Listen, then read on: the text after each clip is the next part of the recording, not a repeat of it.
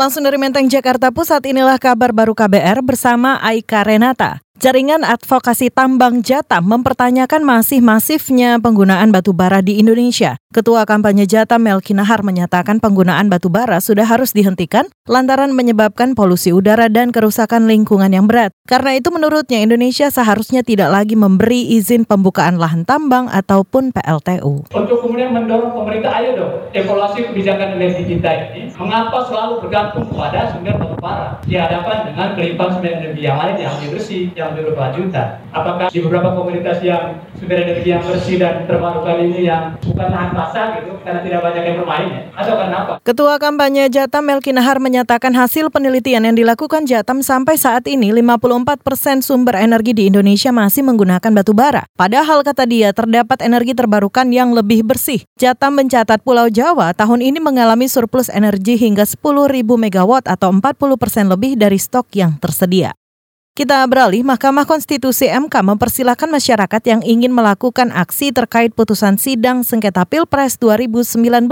Juru bicara MK Fajar Laksono menyatakan, MK tidak berwenang melarang demonstrasi. Namun ia mengimbau masyarakat untuk menjaga ketertiban. Iya, silahkan kalau menyampaikan pendapat, menyampaikan aspirasi sepanjang sesuai dengan ketentuan kan memang tidak bisa dilarang. Itu salah satu saluran di dalam demokrasi. Tetapi intinya jangan sampai kemudian itu mengganggu ketertiban bahkan mengganggu kelancaran persidangan Mahkamah Konstitusi. Itu saja. Juru bicara Mahkamah Konstitusi Fajar Laksono mengingatkan masyarakat yang akan menggelar aksi untuk tidak mengganggu proses persidangan. Sebelumnya, saudara beredar kabar persaudaraan alumni PA 212 yang akan menggelar aksi di depan gedung MK. PA 212 beralasan bahwa aksi digelar untuk mengawal sidang putusan sengketa Pilpres 2019.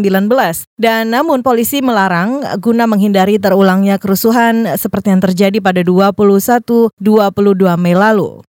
Kita menuju ke satu informasi lainnya, Saudara Serikat Buruh Migran Indonesia SBMI melaporkan kasus dugaan tindak pidana perdagangan orang atau TPPO dengan modus pernikahan ke polisi. Sekretaris Jenderal SBMI Bobi Anwar Ma'arif menyatakan laporan ditujukan ke Polda Kalimantan Barat dan Polda Jawa Barat sebab ia menduga ada jaringan yang mengendalikan praktek tersebut. 10 Juni yang lalu kita laporan ke Polda, laporan informasi partisipasi masyarakat dalam hal pencegahan dan penanganan trafficking. Tanggal 12-nya ada razia-razia. Yang kita laporkan itu 13 orang. Terus kemudian Polda Kalimantan itu mendapatkan korbannya 60. Nah kalau yang di Jawa Barat, itu udah ditangkap tuh sama Polda dan udah diponis 9 tahun. Tapi korbannya baru satu yang bisa dipulangin. Saudara Sekretaris Jenderal SBMI Bobi Anwar menambahkan saat ini SBMI berkoordinasi dengan Kedutaan Besar Republik Indonesia untuk membantu WNI yang menjadi korban. Sebelumnya, Serikat Buruh Migran Indonesia mencatat selama tahun 2016 hingga 2019